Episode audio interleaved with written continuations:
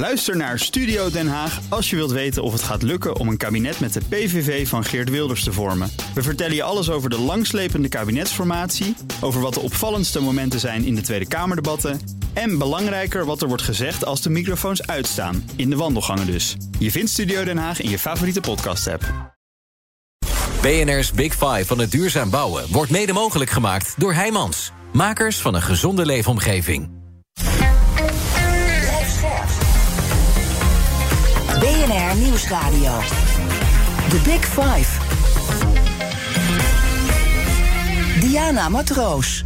Bestaande huizen verduurzamen, onze steden tegen water en hitte beschermen en ook nog eens bijna 1 miljoen extra woningen bouwen, terwijl de ruimte schaars is en de natuur kwetsbaar. De bouwwereld en alle stakeholders die daarbij betrokken zijn, staan voor een monsterklus. En ik ben heel erg eh, benieuwd hoe ze dat aanpakken, welke obstakels ze daarbij moeten overwinnen en hoe we nou straks eigenlijk wonen. En daarom ga ik deze week elke dag een uur lang de diepte in met vijf hoofdrolspelers in BNR's Big Five van het duurzaam bouwen. En vandaag doe ik dat met niemand minder dan Martin van Rijn, voorzitter van EDES, de brancheorganisatie voor woningcorporaties. En dat wereldje draagt hij al heel lang bij zich. Want in de jaren tachtig was hij hoofdinspectie van de woningbouwcorporaties. Van harte welkom, fijn dat je er bent. Uh, we gaan straks ook echt praten over die duurzame opgave die er ook ligt met uh, de bestaande huizen uh, verduurzamen, de nieuwe huizen bouwen. Maar voordat ik dat ga doen. Wil ik twee dingen van je weten. Allereerst, wat fascineert je nou zo aan die bouwwereld, aan die woningwereld, dat je daar steeds weer terugkomt? Wonen is meer dan een dak boven je hoofd. Het is, uh, iedereen uh, wil natuurlijk graag een betaalbare woning, maar het is vaak ook letterlijk en figuurlijk de start van je leven of van een ander leven. Als je als jongere bent en je gaat op eigen benen staan, ja, dan wil je de veiligheid en de warmte van een eigen huis hebben. En het is ook gelijk een heel groot financieel vraagstuk, want betaalbaar wonen is iets wat heel diep in kan grijpen in je inkomen en in je bestedingen. Dat merk je nu bij de stijgende energieprijzen, dat iedereen zich natuurlijk heel erg zorgen maakt over mm -hmm. wat gaat het betekenen. Dus het is heel erg van de mensen en het is ook erg van de economie. Het tweede wat ik dan uh, wil weten, want je was in de jaren negentig ook nog plaatsvervangend directeur-generaal grootstedenbeleid en de sociale huursector. Is er dan iets vanuit dat belang wat je ziet van die woningwereld en wat je er zelf in hebt gedaan, uh, dat je ook denkt, oh had ik dit nu maar anders gedaan als ik zie hoe die woningwereld er nu voor staat, want zo goed gaat het niet. Nou ja, je ziet dat we achterop zijn geraakt de afgelopen tien jaar. Dat heeft onder andere te maken met uh, zeg maar de houding die er was ten opzichte van woningcorporaties. Hè, van meer regels, meer beperking van de ruimte. En er is natuurlijk ook een grote verhuurdersheffing geweest, een soort belasting voor woningcorporaties, die de investeringsruimte voor corporaties heel erg heeft beïnvloed. Negatief heeft beïnvloed. Ja, en daardoor lopen we nu een beetje achter. Ja, en is dat nog iets waar je zelf ook een bijdrage in hebt gehad? Hè? Want dat was eigenlijk mijn vraag. Kijk je ook op je eigen rol op een bepaalde manier terug van... had ik dat maar anders gedaan? Of ging het toen eigenlijk nog allemaal heel goed? Hm. Nou, tot voor tien jaar geleden, ik heb toevallig nog eens even nagezocht... in 2013 bouwden woningcorporaties iets van 30.000 woningen per jaar. Mm -hmm. nou, door die investerings, uh, door die uh, huurdersheffing uh, is dat echt in elkaar ge, gedonderd. Ja, ik zocht even naar een woord. Ja. um, En nou ja, dat, is wel, dat heeft wel een groot effect gegeven. Tegelijkertijd, kijk, je kan allemaal terugkijken. We hadden toen een economische crisis die uh, bijna groter was dan in de jaren 30. De bouw stortte in. We waren met, uh, met, ons, met onszelf bezig. Ja, nu ontdekken we dat hoe belangrijk wonen en volksvesting eigenlijk weer is en moet worden. Mm -hmm. En dat corporaties ervoor zijn om, uh, om ons een beetje uit dit probleem te helpen. Ja, en als we dan kijken naar de huidige problemen en ook de opstelling uh, van Politiek Den Haag, waar je natuurlijk ook goed op kunt reflecteren, want je hebt er heel lang rondgelopen hè, als staatssecretaris van Volksgezondheid, Welzijn en Sport en ook heel eventjes nog als minister Medische Zorg in coronatijd. Is er dan iets wat je uh, vindt nu van die oude wereld als het gaat om dit dossier? Oplossen? Um, nou ja, kijk, het hangt een beetje af hoe je kijkt naar de coöperatiewereld. Hè? Want ik zeg altijd, coöperaties zou je moeten uitvinden als ze er vandaag niet waren. De, die zijn in 1901 zo'n beetje in die periode opgericht. Ja. Vanuit ideële motieven. Hè? Van hoe kunnen we weer betaalbare woningen uh, regelen voor mensen die het zelf niet kunnen betalen. En uh, dat, dat gevoel, dat moet weer een beetje terug. De volkshuisvesting, daarom hebben we ook gepleit voor een, weer een minister van Volkshuisvesting en Ruimtelijke Ordening. Die is er gekomen. En ik denk dat dat een uiting is van het feit dat de maatschappij weer zegt van ja, we moeten dit koesteren, dit is heel erg belangrijk. Dat we sociale verhuurders hebben die niet even een projectje doen in een wijk en dan weer weggaan, maar gewoon er zitten, langjarig zitten en ook zich verantwoordelijk voelen voor het wel en wee van een wijk. Op betaalbaarheid, mhm. leefbaarheid, maar ook de nieuwe en bestaande woningvoorraad. Maar oké, dat, dat is dan heel goed dat, dat we daar nu weer meer in groeien. Maar als je gewoon kijkt uh, hoe het gaat met die enorme opgaven en de vertragingen met uh, subsidies, uh, dat je bijna niet op een grote manier kan aanbesteden en ook zaken kan standaardiseren dan, dan mist het toch ook iets van een can-do-mentaliteit, zoals je dat zelf altijd zo noemt? Ik denk uh, dat dat klopt. Ik denk dat uh, we heel erg naar alle aspecten moeten kijken waar we mee bezig zijn. Hoe snel kunnen we bouwen, industrieel bouwen? Uh, hoe snel kunnen we verduurzamen? Zijn de, onze procedures en de besluitvormingsmechanismes niet te traag aan het worden? Ze moeten eigenlijk allemaal bekeken worden om te zorgen dat die versnelling erin komt. Als een van de grote dingen waar we in onze sector eigenlijk ja, dagelijks praten is van hoe kunnen we versnellen? Hoe kunnen we versnellen? Ja, en, en hoe kunnen we versnellen? Want ik, ik zie je dat eigenlijk steeds benoemen, hè, dat we naar die can-do-mentaliteit uh, moeten. Overigens had volkshuisvesting vroeger wel die can-do-mentaliteit. Zag ik in een interview met jou, en werd er vaak gedaan uh, voordat er werd nagedacht. Nou, de vraag is of dat altijd even verstandig is. Uh, waar, waar sta jij daar nu in? Uh, ik zou heel erg die can-do-mentaliteit weer, uh, weer wat meer uh, terughalen. en ik denk dat het overigens aan de gang is. Hè, want als je ziet van welke. Nou ja, we moeten een miljoen woningen bouwen. We moeten 2,4 miljoen is onze woningvoorraad die van de corporaties moeten we verduurzamen. We moeten letten op leefbare wijken en buurten. We moeten zorgen dat we weer de, dat we betaalbaarheid proberen te mhm. garanderen. Dus um, ik zeg vaak van ja, je kan heel erg praten van lukt dat wel, lukt dat niet. Het, het kan omdat het moet. We, kunnen, we hebben geen andere weg om uh, vooruit te kijken en uh, toch gewoon uh, tegen de conjunctuur in soms ook nog wel te bouwen en te versnellen en te verduurzamen. En ik, ik vind dit heel fascinerend als je dit zo zegt. Maar ik vraag me dan wel af, hoe krijg je dat dan uh, voor elkaar? Hè? Want we zien natuurlijk nu recent een stikstofuitspraak van de Raad van State... waardoor er weer allemaal uh, vertraging is. We weten dat uh, het hele vergunningstelsel enorm de boel ophoudt. Dat heb je zelf natuurlijk ook... was jouw reactie toen de EIB kwam van... laten we in elke straat gewoon bijbouwen. En zei je succes met de vergunningen. Dus, dus hoe kom je tot die can-do-mentaliteit... als we gewoon zien dat alles gewoon vertraagt? Nou, um, ik denk dat als je kijkt naar de corporatiesector, is er een enorm ambitieus plan neergelegd. Uh, we, hebben die, we hebben gezegd, als die verhuurdersheffing eraf gaat, dan moeten wij ook bereid zijn om daar ook afspraken over te maken. Prestatieafspraken over te maken met de, de, overheid. Dat hebben we gedaan. We hebben gezegd van dan gaan we een miljoen woningen voor de komende tien jaar realiseren.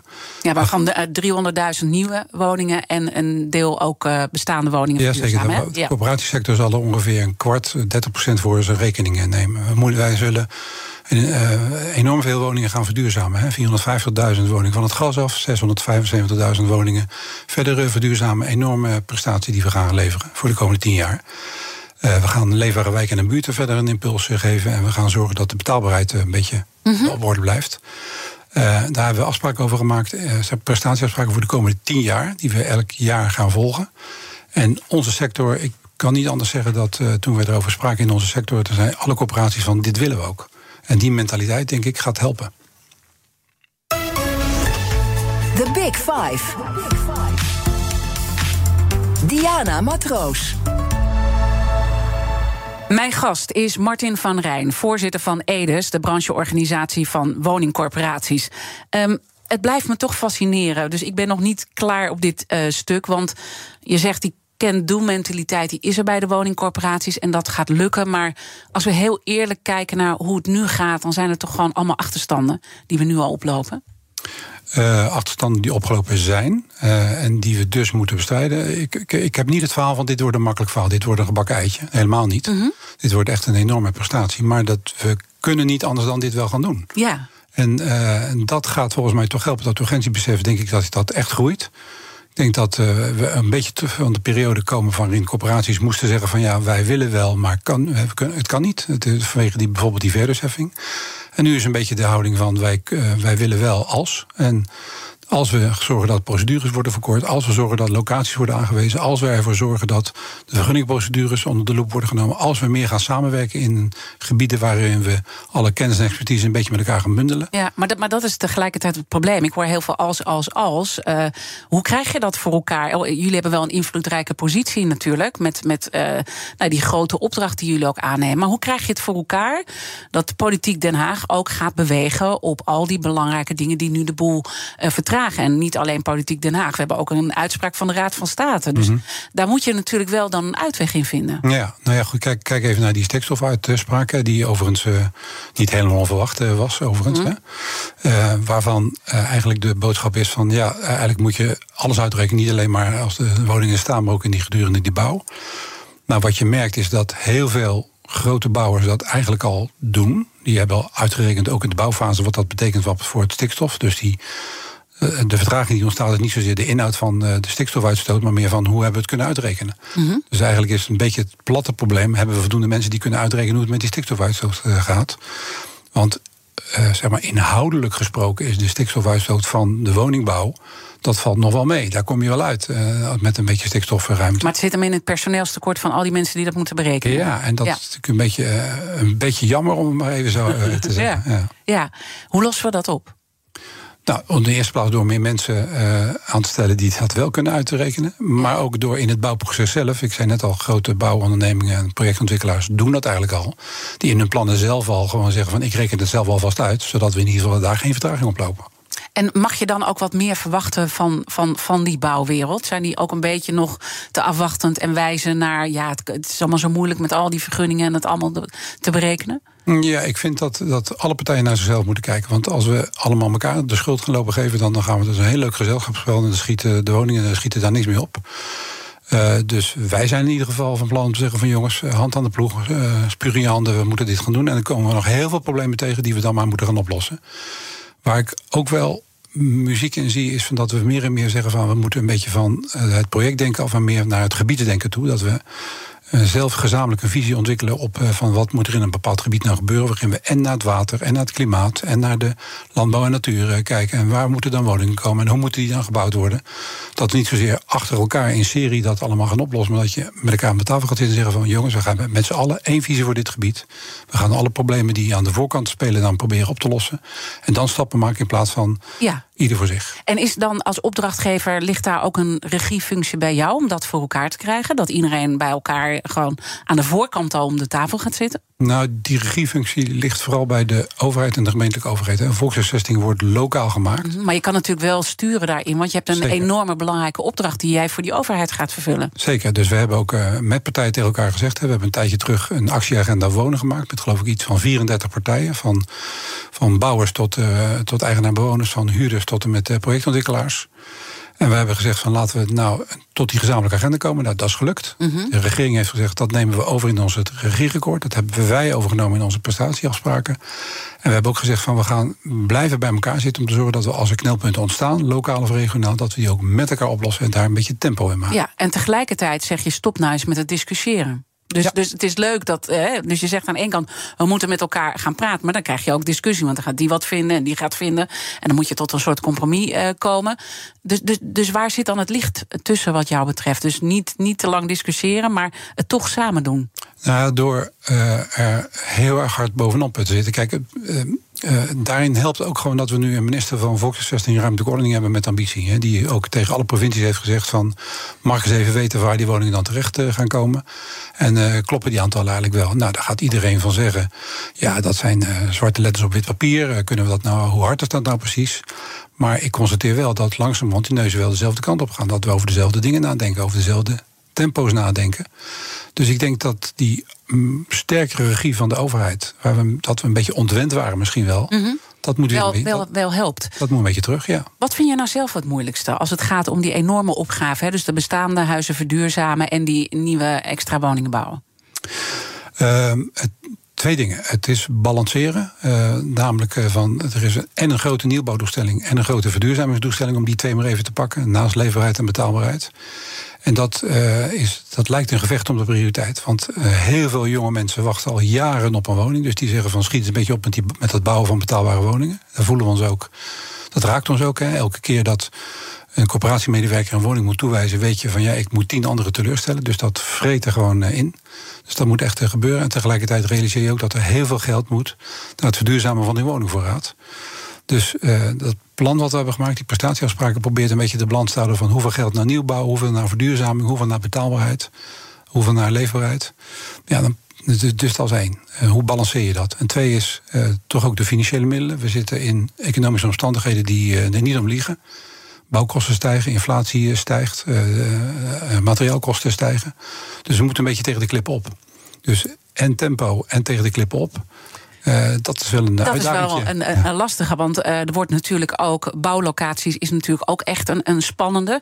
En er wordt natuurlijk ook uh, gevochten om die bouwprijs, hè, of voor, ja. de, voor de grond. Ja. hoe, hoe doe je dat onderhandelingsspel? Nou ja, kijk, het probleem wat corporaties hebben... is dat die helemaal niet zoveel grond hebben. Dat is uh, vaak in, grond, in eigendom van andere eigenaren. En gemeenten eigenlijk ook niet. Dus dat betekent al dat gemeenten en projectontwikkelaars en corporaties eigenlijk heel vroeg bij elkaar moeten gaan zitten. Om te zeggen van jongens, hoe gaan we dit nou doen? Ja. Niet dat je zegt van nou, wat is de grondeigenaar van plan? Oh, daar moeten we een jaartje over praten. En dan gaan we daarna kijken of we anderen geïnteresseerd kunnen krijgen. Maar dat betekent dat we gemeenten, projectontwikkelaars, grondeigenaren, corporaties bij elkaar gaan zitten om te zeggen in zo'n gebied van in welk tempo kunnen we dit nou gaan ontwikkelen. Mm -hmm. En dat vereist dus een hele actieve houding uh, over grondpolitiek, ook door de gemeente. En grondpolitiek is een onderwerp waar we in het verleden ook al vaak over gesproken hebben. Maar transparante grondpolitiek die ten dienste staat om dit voor elkaar te brengen. Ja, dat wordt wel een beetje een grote uitdaging die ook voor de gemeente op tafel ligt. Ja, dus dat, dat is, daar hoop je ook meer daadkracht van gemeenten op dat punt? Ja, en uh, wat gemeenten ook eigenlijk ook zeggen is van wij hebben ook heel weinig capaciteit en kennis en kunde in huis om dat allemaal tot een goede baan te leiden in hele grote hoeveelheden. Dus ik zeg ook ja, misschien moeten we dan ook wel de capaciteit en kennis en kunde van marktpartijen, van corporaties, van gemeenten maar bundelen. En een soort shared service maken om te zorgen dat er ook tempo in komt. Want uiteindelijk heb je natuurlijk uh, standaardisatie nodig om het ook betaalbaar te houden. En dat betekent dat je hele grote aantallen zou moeten aanbesteden. Nou, daar kunnen jullie ook wel een positie in nemen. Dan loop je ook aan tegen die vergunningen. Per gemeente weer uh, lopen die vergunningenprocedures weer op een uh, verschillende manier. Zouden we toe moeten naar een soort één landelijke toets? Ja, nou, het, die discussie loopt bijvoorbeeld heel sterk bij die flexwoningen, waarin we zeggen van kunnen we nou snel uh, industrieel bouwen, zorgen dat er uh, woningen in de fabriek worden pre, gebouwd. Prefab. Uh, prefab. Ja. En die, die natuurlijk ook aan allerlei eisen moeten voldoen, maar je zou een soort rijksdienst voor het wegverkeer moeten maken, waarin je zegt van nou, als er zo'n prefab huis is, dan wordt die gekeurd. En als die gekeurd is, dan hoef je in de gemeente niet meer af te vragen of dat een goed huis is, want dat is dan gewoon vastgesteld. En dat hoef je niet meer als gemeente, iedere gemeente afzonderlijk te doen. Dus die antwoord is ja, dat moet. Ja, uh, hoe snel wordt dit geregeld dan? Want daar zit iedereen natuurlijk op te wachten. Ja, nou, het ministerie is ermee bezig, hebben wij uh, begrepen. En we zitten ze flink op de nek. Ja, hoe moet ik me dat voorstellen? Hoe Martin eh, van Rijn flink op de nek zit van, van een politiek om dat te regelen? Uh, om elke week te vragen van uh, hoe staat het ermee? En zullen we eens even horen van hoe het ermee zit? Kijk, die, die prestatieafspraken die we hebben gemaakt... Hè, rondom nieuwbouw en verduurzaming en leefbaarheid en betaalbaarheid... Dat zegt iets over wat corporaties beloven en waar ze aangehouden kunnen worden, maar ook iets van de andere kant. Dat betekent ook dat uh, de locaties moeten worden aangewezen, dat de vergunningen moeten worden versneld. En wij zullen ook gemeenten aanspreken op hun deel van de prestaties. Die prestaties wat zijn wat ons betreft wederzijds. En elke keer hoor ik je toch dan zeggen die can-do-mentaliteit. Misschien is dat ook de Rotterdammer in jou, weet je niet? Ja, Rotterdam. Ja. ik ben in Rotterdam geboren en dat blijf je altijd, hè? Ja, ja en ja. Daar, daar zit natuurlijk een enorme can-do-mentaliteit. Is dan eigenlijk om dit vlot te trekken... Um, met name belangrijk dat je een bepaalde sfeer creëert... en dat mensen ook het vertrouwen krijgen dat je mag bewegen met elkaar? Ja, dat denk ik wel. Want heel veel belemmeringen zijn er. Uh, zijn ook belemmeringen die je in je kop hebt. En die als je uh, bij elkaar gaat zitten en zeggen van ja, maar hoe kan het nou wel? Dat gaat dan wel helpen. Dus ik denk dat het wat we nu aan het doen zijn uh, met van, uh, aanwijzen van welke locaties moeten die woningen eigenlijk komen. Zijn provincies daarvan uh, dezelfde mening toegedaan als de gemeente? hoe snel kan dat eigenlijk? Zullen we even volgen of dat ook opgevolgd wordt? Dat gaat allemaal helpen. Dus de neus dezelfde kant op. Een beetje die mentaliteit van jongens, het moet echt. en dus een beetje vertrouwen krijgen in het verhaal van die jongens, dit gaan we echt doen. Straks uh, praat ik verder met Martin van Rijn, de voorzitter van EDES. Dat is de brancheorganisatie van woningcorporaties. En dan gaan we kijken hoe dat dan zit uh, uiteindelijk als het gaat om de bestaande huizen verduurzamen. De weerstand misschien ook wel van de inwoners, want dat is natuurlijk ook een belangrijke stakeholder voor jullie. En die heb je ook nodig om tot die beweging te komen. En wat jullie dan allemaal bij die nieuwe woningen doen als het gaat over duurzame materialen. En hoe je echt zorgt dat we voor de lange termijn echt gecoverd zijn. Blijf luisteren. Ook Diana Matroos vind je in de BNR-app. Ja, inderdaad. Je kunt live naar mij luisteren tijdens de Big Five. Ook handig in de BNR-app. Breaking nieuwsmeldingen, maar ook het allerlaatste zakelijke nieuws. En je vindt in de app alle BNR-podcasts, waaronder Wetenschap Vandaag. Download nu de gratis BNR-app en blijf scherp. BNR Nieuwsradio. The Big Five. Diana Matroos. Welkom bij tweede halfuur. Fijn dat je weer luistert. Deze week praat ik met vijf kopstukken uit de wereld van het duurzaam bouwen. Later deze week zal ik nog spreken met onze Rijksbouwmeester Francesco Veenstra. Onder andere over de verduurzaming van overheidsgebouwen. Mijn gast vandaag is Martin van Rijn. Hij is voorzitter van EDES, de branchevereniging voor woningcorporaties. En natuurlijk kennen we hem als voormalig staatssecretaris, voormalig minister. En uh, in het verleden ben je ook de baas geweest van PGGM. Uh, komend half uur wil ik in ieder geval nog twee onderwerpen een beetje me spreken. Misschien een vergezicht als het over duurzaam wonen gaat. Hoe we nou precies wonen met een bescherming ook van, uh, voor wateroverlast en uh, hittestress en al dat soort zaken. En het uh, bouwen van nieuwe sociale huurwoningen, maar ook de bestaande verduurzamen. En dat is echt een gigantische opdracht. En laten we met dat laatste beginnen. En we waren eigenlijk gebleven bij die mindset. Dat je eigenlijk zegt die can-do-mentaliteit. We zijn veel te veel elke keer aan het wijzen wat er allemaal niet kan. Uh, en we moeten het gewoon doen. En dan krijg je toch uiteindelijk wel de zaak uh, in beweging. Als we vanuit die beweging kijken naar de uh, bestaande huizen. Wat gaan jullie concreet doen om die te verduurzamen?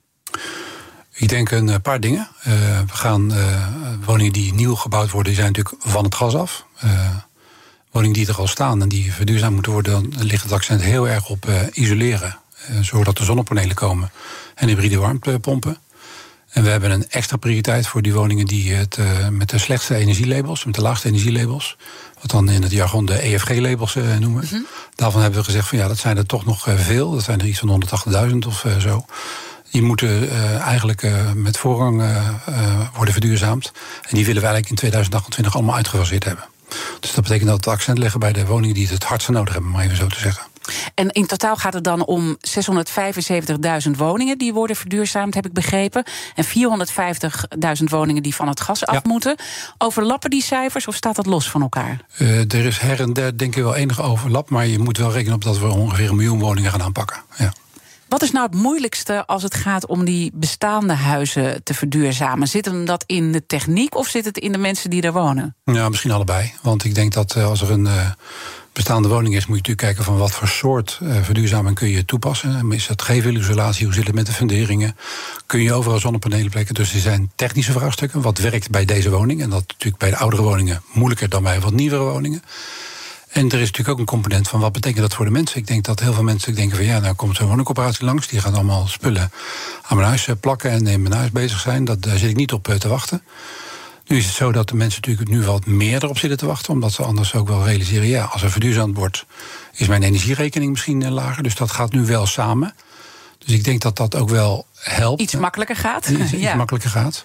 Maar die, die, ja, die combinatie van techniek en wat betekent het als het klaar is, wat betekent dat voor de bewoner, dat verschilt een beetje van complex tot complex en tot pand tot pand. Ik overdrijf een beetje misschien, mm -hmm. maar dat is wel de kern van de problematiek. Ja, en uh, dan uh, gaat het uiteindelijk om die 675.000 woningen. En nou ja, er komt dan nog misschien wat extra bij van woningen die bij het, uh, van het gas af moeten. Nou heb ik begrepen dat de woningcorporaties die lid van EDIS zijn, verantwoordelijk zijn voor zo'n 2,5 miljoen woningen. Betekent dat dat er dan bij een heel groot deel van de woningen eigenlijk nog niets gebeurt? Nou, pas op. Er zijn, ik denk ongeveer een miljoen woningen nu die een energielabel hebben van B en hoger.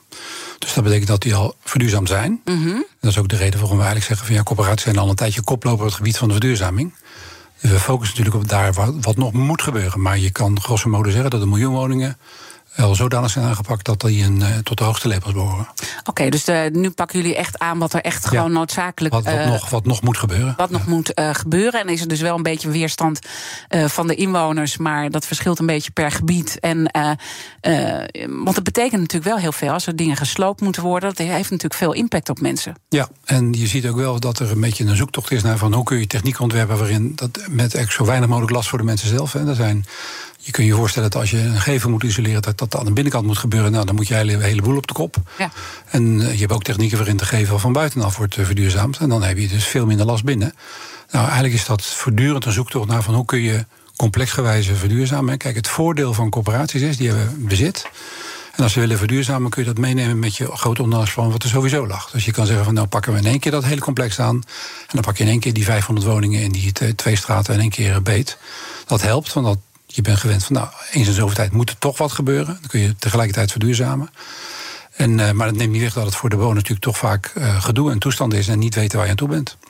Dan uh, de nieuwe woningen die gebouwd moeten worden. Dat zijn er zo'n 300.000 voor 2030. Dat is natuurlijk ook een gigantische opdracht. Wat, wat vind jij belangrijk, praktisch gezien, wat jullie daarbij gaan doen? Hoe die woningen ingericht? Neem ons even mee in een soort sfeerbeschrijving van zo'n huis. Hoe gaat dat eruit zien? Nou, die nieuwe woningen zijn natuurlijk al meestal, nou, misschien altijd al wel van het gas af. en zijn goed geïsoleerd. En hebben dus zonnepanelen. En, eh, en, en, denk ik in veel gevallen een hybride warmtepomp. Je zou kunnen zeggen, ze zijn toekomstklaar. Uh, waarom formuleer ik het zo? Dat is omdat we natuurlijk de techniek schrijdt voort. Wat we vandaag denken van, nou, dat is een heel goed duurzaamheidspakket. Is over uh, vijf jaar zeggen we van, oh, dat kan eigenlijk nog op een andere manier. Of ja, want dat is het lastige natuurlijk. Beter materialen je... gebruiken, zeker. Ja. Maar goed, als je zegt van, als je nou de woningen die je nieuw neerzet, een beetje voldoen aan de eisen van deze tijd. De woningen die nog niet aan die eisen voldoen, die pak je aan met spullen waarvan je denkt van die zijn een beetje no regret. Hè? Dus uh, isoleren, zonnepanelen, hybride warmtepompen zijn een beetje no regret. Dan kun je tegelijkertijd kijken van wanneer gaat de techniek zich verder ontwikkelen om nog verder aan dingen te doen. Dat is overigens ook de reden waarom we een beetje discussie zijn met Brussel. Brussel is een beetje aan het denken over nieuwe regelgeving rondom energiebesparing. En zegt dan bijvoorbeeld van ja, je moet alle woningen aanpakken bij mutatie. Als er een woning uitgaat en er komt een nieuwe in, dan moet je verduurzamen. Het grote nadeel daarvan is dat je dus niet complex gewijze kan pakken. Waarin je zegt van ik pak alle woningen tegelijkertijd. Want als je maar, drie woningen uit een blok moet uh, pakken, ja, dan is dat ingewikkelder, duurder. En veel moeilijker uit te, te Want elke keer gaat het om die grote aantallen ja. natuurlijk. Ja. Dus wij willen eigenlijk liever uh, complexgewijs, soms ook wijkgewijs, uh, een treintje maken van verduurzaming. En niet uh, plukjes van 1, 2, 3 woningen steeds, die het ook logistiek duurzaam ma duurder maken. En daar moet dus de regelgeving op aangepast worden om dat voor elkaar te krijgen? Ja, dat is, ik, we snappen waarom Brussel de regelgeving aanscherpt. Om te zeggen van hoe kunnen we nog verder versnellen. Maar wij zeggen van doe dat nou, maar doe het ook een beetje praktisch. Zodat we ook een beetje grote aantallen kunnen maken. Ja, oké, dit zijn allemaal uh, zeer uitdagende zaken al. En dan kijk je naar de bouwmaterialen. En daar is natuurlijk ook een hele grote slag nog te slaan. Als het gaat over de verduurzaming. Er is veel discussie ontstaan over houtbouw en beton. Uh, en de kern van de discussie is dat een gebouw kan niet zonder beton. Terwijl we weten dat het niet duurzaam is. Hoe gaan jullie om met dat dilemma? Um, ja, door eigenlijk de technologische ontwikkeling op de voet te volgen. Ik ben onder de indruk wat er allemaal mogelijk is en gaat worden in dat industrieel bouwen. Hè, bouwen woningen vanuit de fabriek. Daar zie je overigens ook veel houtbouw, waarin dat dus wel kan. Mm -hmm. uh, en uh, die aan de uh, allerhoogste eisen rondom duurzaamheid voldoen. Dus dat zijn. Alleen als je dat op grote schaal wil, dan zul je ook een bouwstroom moeten ontwikkelen. Hè. Dan moet corporaties bij elkaar gaan zitten en zeggen van nou, wij garanderen een afname voor de komende twee, drie jaar van die fabrieksgemaakte woningen. Zodat degene die die fabriek heeft ook kan zeggen: Nou ja, oké, okay, dat betekent niet dat, ik, dat mijn fabriek leeg komt te staan, maar dat ik ook gewoon productie kan maken. Ja. Ja, dat soort uh, bewegingen die zie je nu langzamerhand dan in de markt ontstaan. Terwijl als je kijkt even naar de opdracht die daar ligt voor die flexibele woningen, die prefab woningen, dan is dat nog heel erg laag. Hè? Uh, ambitie 50.000 per jaar vanaf 2030, als ik het goed begrijp, vanuit het ministerie. Um, 50.000 slaat denk ik op die middenhuurwoning. Maar ik weet ah, ja, ja oké. Okay, ja. Nee, ja. daar heb je gelijk in. Dat klopt. Ja, ja. Ja, Dus maar, hier ligt de doelstelling wel hoog genoeg om tot die grote aantallen te komen? Ik, we hebben, maar dat is een beetje ingegeven door uh, de problematiek van het huisvesten van mensen die asielgerechtigd zijn. Dan, daarvan hebben we gezegd: van, ja, als je nou nog sneller wil bouwen dan we al doen, hè, dan zouden we meer flexwoningen kunnen afnemen. Uh, en dan kunnen we ook gezamenlijk met de bouwers kijken of dat een uh, gezamenlijke inspanning kan zijn. En daar zijn we nu mee bezig. Kijk, het, het, dit illustreert een beetje de discussie van de straks. Hè. Wij zijn inmiddels met dat, duur, met dat uh, industrieel bouwen, denk ik, in staat om als die woning gemaakt is, in één dag die woning neer te zetten. Maar we praten er zeven jaar over waar die moet komen te staan. Nou, dat moet een beetje anders, zou ja, zeggen. Ja, en, en, en waarom blijven we dat toch doen? Locaties. Uh, het is heel moeilijk om locatie. Niet iedereen. Je moet grond hebben. Nou, corporaties hebben eh, in het verleden hadden ze wel veel grond, maar nu hebben ze niet zoveel grond meer. Gemeentes trouwens ook niet. Dus je moet, het is een onderhandelingsproces van, met degene die de grond heeft om te zeggen van jongens, uh, tempo maken. Ja, en dat is dus nu eigenlijk de, de, de cruciale balans ook die jij moet vinden. Is hoeveel betaal je voor, voor die grond? En hoe, hoe ver kan je dan ook gaan met het verduurzamen? Want je moet natuurlijk wel je investering ergens uh, terugverdienen. Ja, en uh, met die prestatieafspraken die we gemaakt hebben rondom nieuwbouw en uh, verbeteringen, verduurzaming en leverheid betaalbaarheid, zitten we, uh, rekken we ons echt, echt ongelooflijk op. Hè. Je kan zeggen van nou ja, we kunnen. we hebben al die sommen gemaakt toen de mm -hmm. rente bij wijze van spreken anderhalf procent was. Ja, die rente is nu alweer 4 procent. En die sommen zijn gemaakt toen de inflatie nog geen 10% was. Dus het is het, je moet voortdurend in de gaten houden van wat is bedrijfseconomisch haalbaar.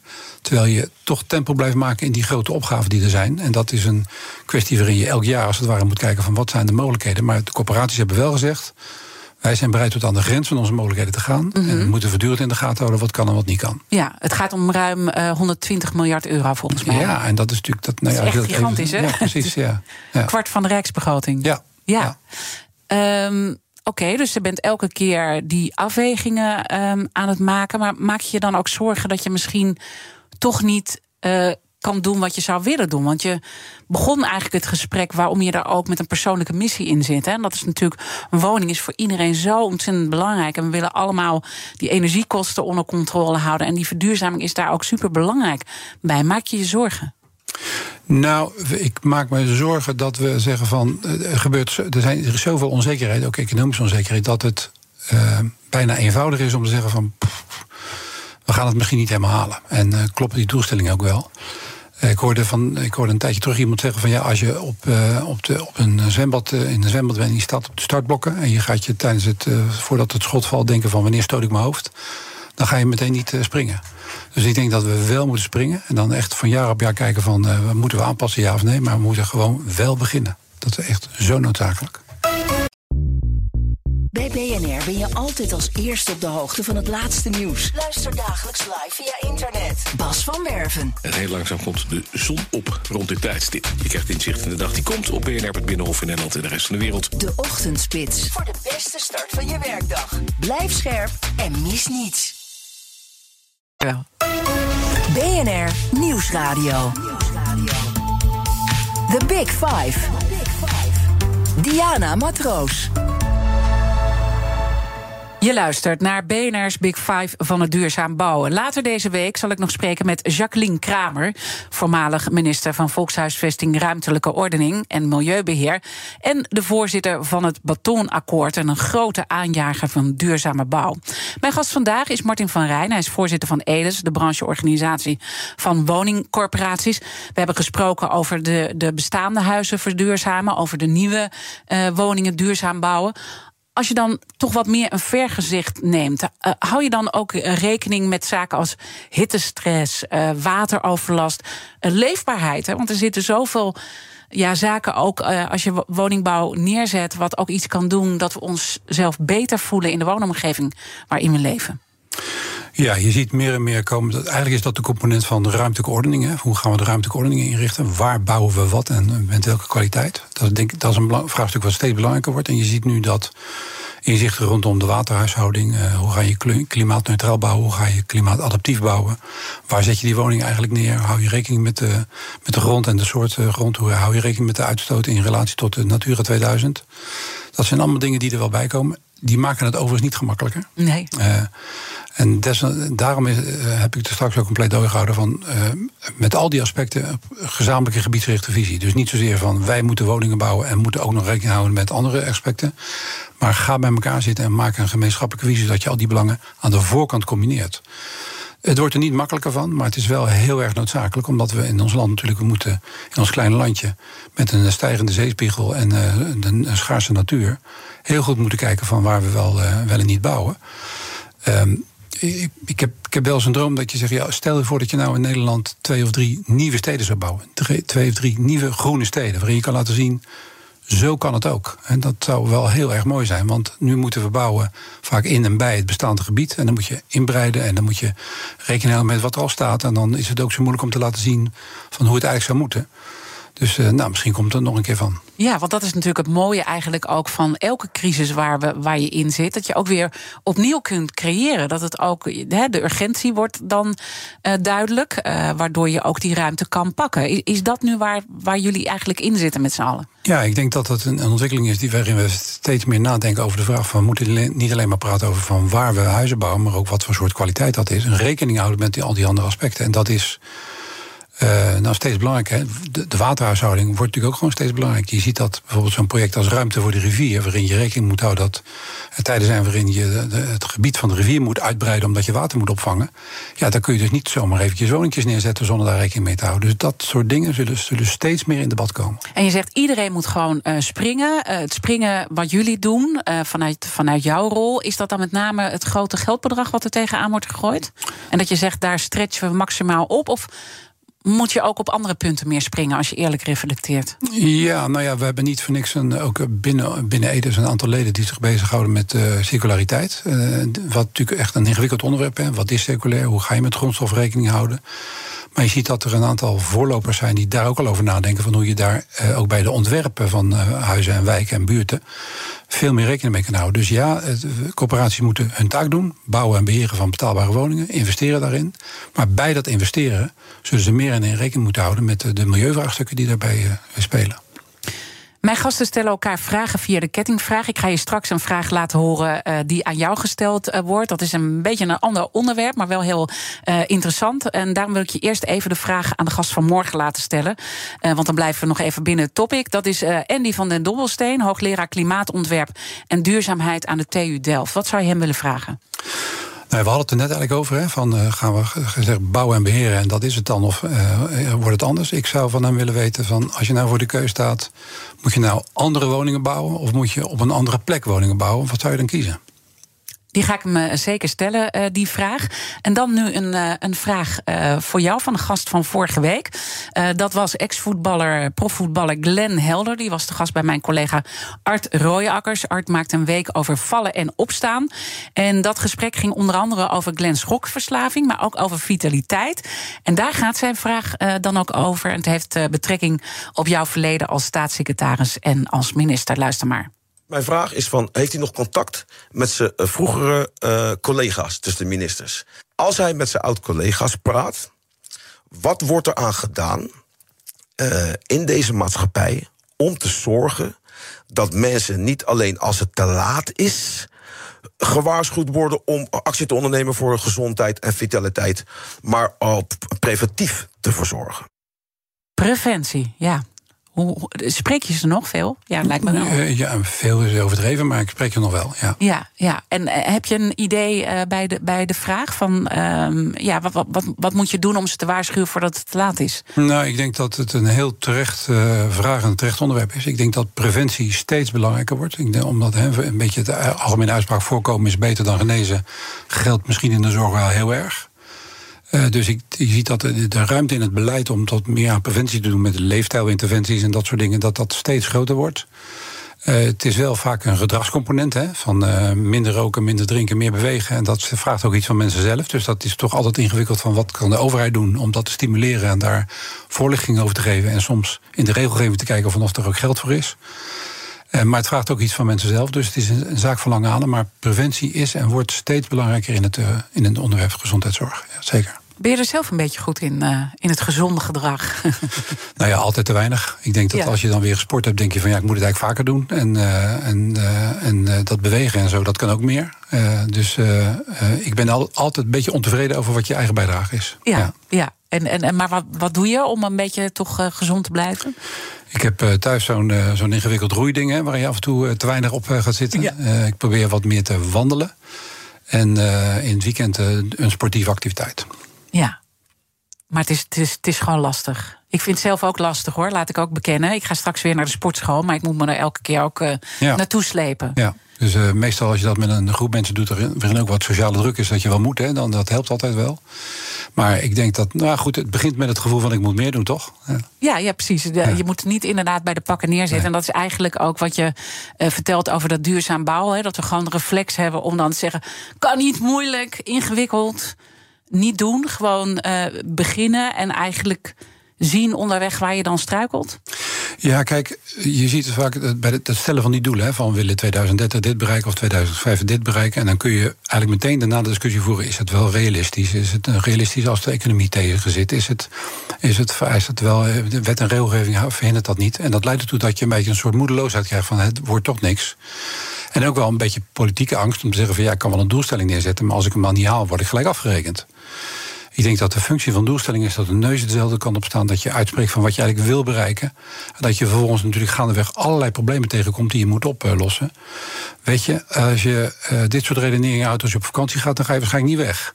Nee, precies. Dus op een gegeven moment is het dan gewoon uh, motorstarten, wegwezen. En dan uh, achteraf dan even kijken, of nog tijdens de rit even kijken van wat je moet bijstellen. Dan kom je ergens. Ik ben heel erg benieuwd uh, waar jullie en uh, ook waar Edis uh, gaat uitkomen.